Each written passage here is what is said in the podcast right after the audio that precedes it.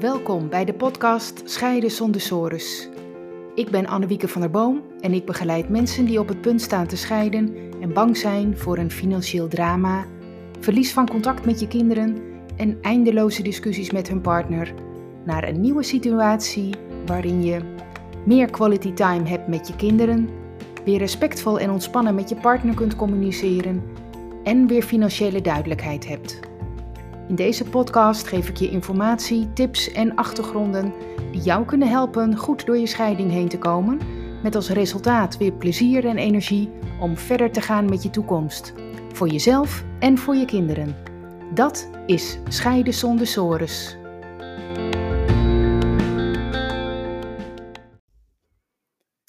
Wat je moet weten over kinderalimentatie. Kinderalimentatie, gezamenlijke kinderrekening is dat allemaal nodig? Wat is de meerwaarde ervan? Mensen die bij mij komen zeggen vaak: Ach, ehm, dat hoeft bij ons niet zo officieel. Dat komt wel goed. En dat is natuurlijk een prima uitgangspunt om niet moeilijker doen, te doen dan nodig. Maar in de praktijk blijkt het vaak niet goed te werken.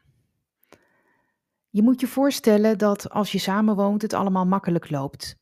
Jullie hebben een manier gevonden die eigenlijk op natuurlijke wijze is ontstaan over wie uh, wat koopt en wie welke lasten betaalt. En waarvan dit betaald wordt. misschien hebben jullie een gezamenlijke bankrekening waar je vaste lasten van betaalt. Uh, bijvoorbeeld de woonlasten en verzekeringen en dergelijke. Nou, en daar betaal je misschien ook wel sportcontributie van voor de kinderen en schoolkosten. En uh, de ander die, of die koopt daar ook kleding van voor de kinderen. Of dat betaal je dan misschien weer van, van een stukje van je eigen inkomen wat op een andere bankrekening uh, binnenkomt. In elk geval, um, jullie hebben er een manier voor en uh, dat loopt. Je hoeft het er eigenlijk helemaal niet over te hebben. En um, er is ook genoeg inkomen om de kosten van te betalen. Maar als je uit elkaar gaat wonen, dan kijk je toch ineens anders naar je inkomen en je kosten. Um, je gaat natuurlijk allebei erop inleveren qua inkomen. Je hebt over het algemeen hetzelfde inkomen, maar wel meer lasten als je apart gaat wonen. Um, dus ja, je moet daar toch wat kritischer naar kijken. Naar je uitgaven en je inkomsten. En je moet ook ineens afspreken wie wat koopt. Wie koopt een nieuwe winterjas voor de kinderen? Anders gebeurt het helemaal niet. Of jullie kopen het dubbel. En als jij dan bijvoorbeeld minder verdient dan je partner en toch veel betaalt, dan kan dat best irritaties gaan geven op den duur. Want het voelt niet eerlijk. Maar om er dan over te beginnen en ook nog eens over geld te, beginnen terwijl je al uit elkaar bent, ja, dat is dan toch ook wel weer een hele hoge drempel.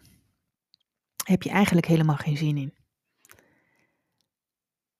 Nou, en daarom is het heel verstandig dat je eerst de goede informatie krijgt over de manieren waarop je uh, dat geld voor die kinderen samen kunt regelen. En daarna kun je dan samen kijken welke manier het beste bij jullie past en ook bij jullie situatie past. In deze podcast geef ik die informatie, eigenlijk de basisinformatie. Allereerst vertel ik hoe het systeem van de kinderalimentatie werkt en daarna het systeem van de gezamenlijke kinderrekening. Maar ik begin even helemaal bij het begin. Uh, en dat is, zoals het dan juridisch heet, de onderhoudsplicht voor de kinderen. Beide ouders moeten, ook als ze uit elkaar zijn, uh, samen de kosten van de kinderen betalen. Waarom? Nou, de kinderen kunnen het zelf niet verdienen. En uh, ja, dat gaat naar verhouding van het inkomen van de ouders. Daar gelden richtlijnen voor, eigenlijk net als bij partneralimentatie. Als de ouders het samen, uh, uh, niet samen een bedrag kunnen bepalen en de zaak voor de rechter komt, dan bepaalt de rechtbank de hoogte van het bedrag volgens die richtlijnen. En dat zijn de TREMA-normen. Verder is het belangrijk om te weten dat voor kinderen tot 18 jaar er altijd de onderhoudsplicht geldt. Um, voor kinderen tussen de 18 en de 21 um, is het wat anders dan hoeft alleen betaald te worden als de kinderen nog voltijds een opleiding doen. Stel dat ze al werken in die leeftijd dan, uh, en ook voldoende geld hebben om van te leven, dan hoeven de ouders geen bijdrage meer te betalen. En dan heb je nog de groep van kinderen boven de 21.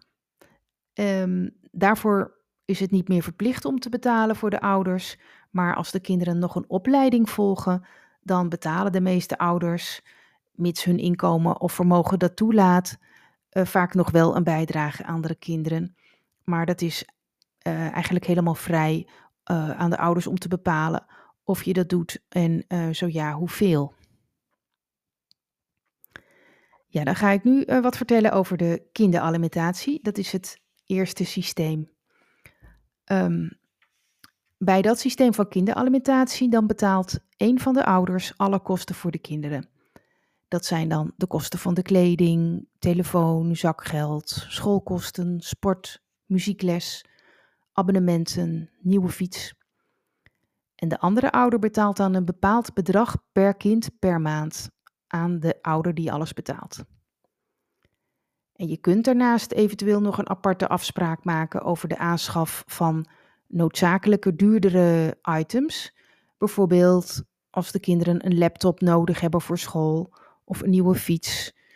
Uh, of als ze een buitenlandse reis gaan maken op een middelbare school. En dan spreek je bijvoorbeeld af dat als er zo'n bijzondere aanschaf nodig is, beide ouders ieder daarvan de helft betalen. En dus naast die kinderalimentatie. Of bijvoorbeeld dat de ene ouder 40% betaalt en de ander 60%. Maar het is niet verplicht om zo'n afspraak te maken over bijzondere kosten. Ja, en hoe bepaal je dan de hoogte van die kinderalimentatie? Nou, daar kan ik of een andere mediator een berekening voor maken en dan hebben jullie een richtlijn. Uh, dat is een berekening volgens het rekensysteem dat de rechtbanken ook toepassen als mensen hun discussie over alimentatie daar neerleggen. En die gaat uit van jullie gezamenlijke inkomen omdat dat bepalend is voor de welstand van jullie zelf en ook voor de welstand van jullie kinderen. Want als je immers samen meer inkomen hebt, geef je ook meer uit aan je kinderen. En heb je samen minder inkomen, geef je minder uit. In die berekening is verwerkt wat mensen met bepaalde inkomens gemiddeld aan kinderen uitgeven. Uh, op basis van de Nibud-gegevens. Nou, dan wordt de zogenaamde behoefte bepaald van de kinderen en daarna wordt dan berekend aan de hand van uh, jullie eigen inkomen, dus het inkomen van jou en van je partner, wie welk deel uh, moet betalen. Um, ja, ik maak ook vaak voor mensen zo'n berekening over de hoogte van de kinderalimentatie.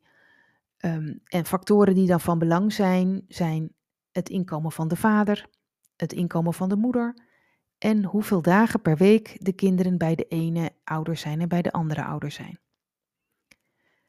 En wat niet van belang is, zijn de woonlasten, de premiezorgverzekering, andere lasten en ook niet hoeveel vermogen je hebt.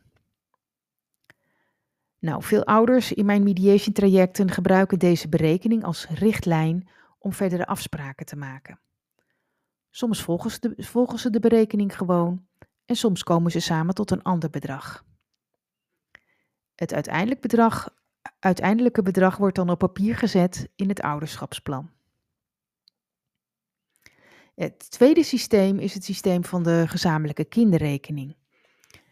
Uh, dan, betaal, dan betaal je allebei een bepaald bedrag op een gezamenlijke bankrekening. Dat is bijvoorbeeld een oude en of rekening die je samen hebt.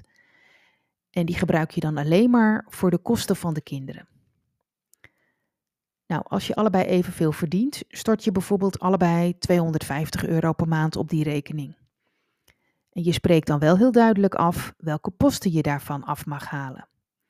En dat zijn dan geen kosten van eten of drinken. Die betaal je allebei zelf als de kinderen bij jou zijn.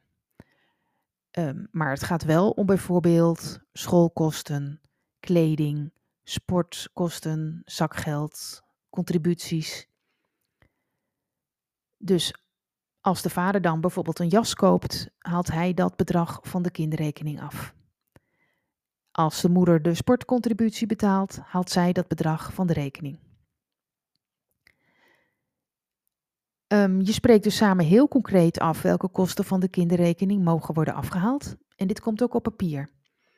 Anders is de kans weer groot dat je er discussie over krijgt. Bij dit systeem is het wel nodig dat je goed kunt samen, samen kunt overleggen, anders werkt het niet. En hoe bepaal je hierbij nu de hoogte?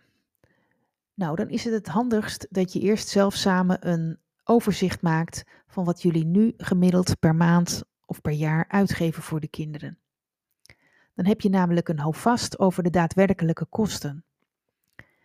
Het is ook vaak meer dan je denkt, uh, want eigenlijk denkt iedereen, nou, wij geven niet zoveel uit voor de kinderen. Dat valt best mee.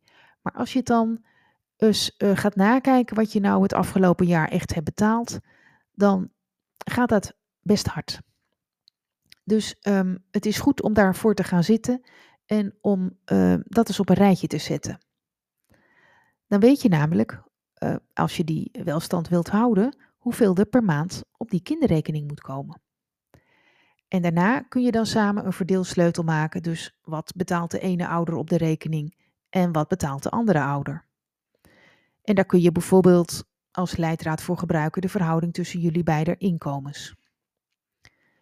En je kunt ook nog afspreken samen of je de kinderbijslag daar wel of niet op stort. Hè, of je dat dus op die kinderrekening stort. En hierbij um, worden ook de afspraken die je maakt vastgelegd in het ouderschapsplan. Ja, dat was het tweede systeem.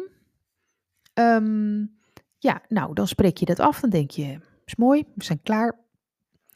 Um, maar het is mogelijk dat in de toekomst uh, dingen gaan wijzigen. Hè, dat noemen ze een wijziging van omstandigheden. Uh, wat kan er gebeuren? Het kan zijn dat je inkomen wijzigt, bijvoorbeeld. Je gaat meer werken, je gaat minder werken, je raakt werkloos, je raakt arbeidsongeschikt. En wat kan er nog meer gebeuren? De zorgregeling kan wijzigen. Je gaat bijvoorbeeld wat meer of wat minder voor je kinderen zorgen. En dat noemen ze dan juridisch een wijziging van omstandigheden. Uh, als dat gebeurt, en dat maakt niet uit wanneer, hè, dat kan zijn een, een, jaar na je scheiding, of twee jaar of drie jaar, maakt niet uit. Dan kun je samen opnieuw afspraken maken over de bedragen. Het is niet verplicht om daarvoor naar een advocaat of een mediator te gaan. Je kunt het ook zelf doen. Dan is het wel verstandig dat je die nieuwe afspraken even heel kort op papier zet. Met de nieuwe bedragen en even met de datum en de ingangsdatum van de wijziging en jullie handtekening.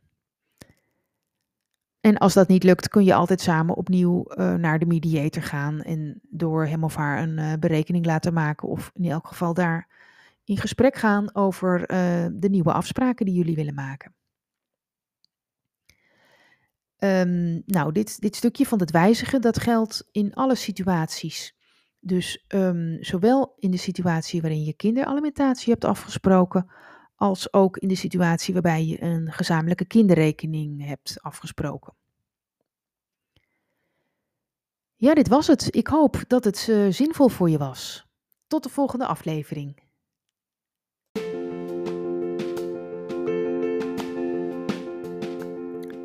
Leuk dat je hebt geluisterd naar deze aflevering. Ben je benieuwd naar meer? Abonneer je dan op deze podcast. Dat kun je doen door bij Apple Podcast op het plusteken rechtsboven te klikken en dan zie je volgen. Bij Spotify door linksboven op volgen te klikken. Wil je meer weten over mijn full service mediation? Bekijk dan mijn gratis video, waarvoor je je kunt aanmelden via mijn website annewiekebemiddeld.nl. Tot de volgende aflevering.